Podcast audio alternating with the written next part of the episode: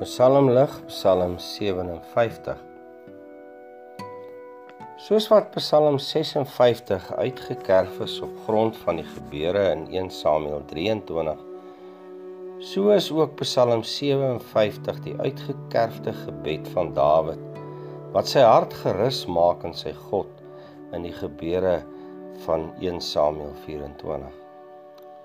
Saul net klaar met die Filistyne waarvoor hy deur 'n boodskapper weggeroep was toe hy Dawid en sy manne omsingel het kom sit die soektog vir Dawid voort met 3000 uitgesoekte manne. Waarom op Dawid se spoor kry Saul 'n nood en moet die koning nou eers 'n plek soek waar hy uit die aangesig van sy manne sy voete kan bedek Hy kry dan ook die ideale plek, 'n donker spilonk. Min wetend dat Dawid met sy 400 man ook daar wegkruip agter in die grot. En dis net hier waar Dawid 'n paar dinge beleef.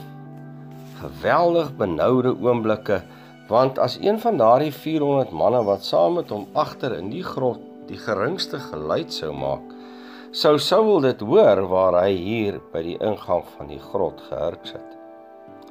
Sy aanhef van sy gebed begin soos in Psalm 56. Wees my genadig o God.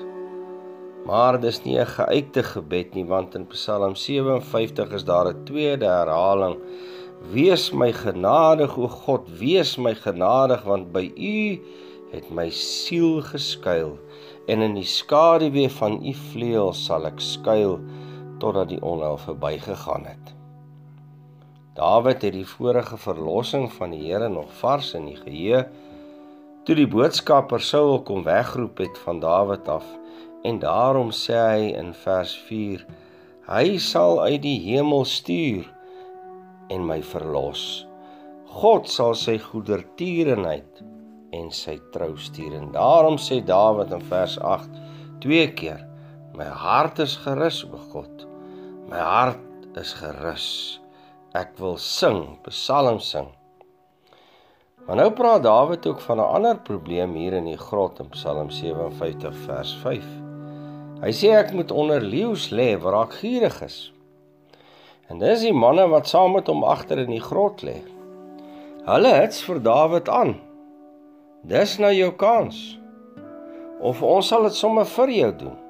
Ons lees in Samuel dat die manne wat hulle by Dawid gevoeg het, manne was wat voortvlugtenis van die gereg was.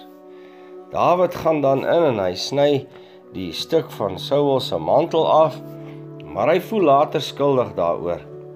En dan bestraf hy sy manne ook streng om nie hulle hand teenoor die koning te lig nie. Dawid is ook in Psalm 57 'n tipe van Christus waar hy as die onskuldig vervolgde tussen die skuldiges is. Waar Dawid se eer en benoudheid vasgedruk was, gebeur nou die teenoorgestelde en sê hy nou waak op my eer, waak op my harp en luit. Laat my die rooi dag wek met sanggeluid.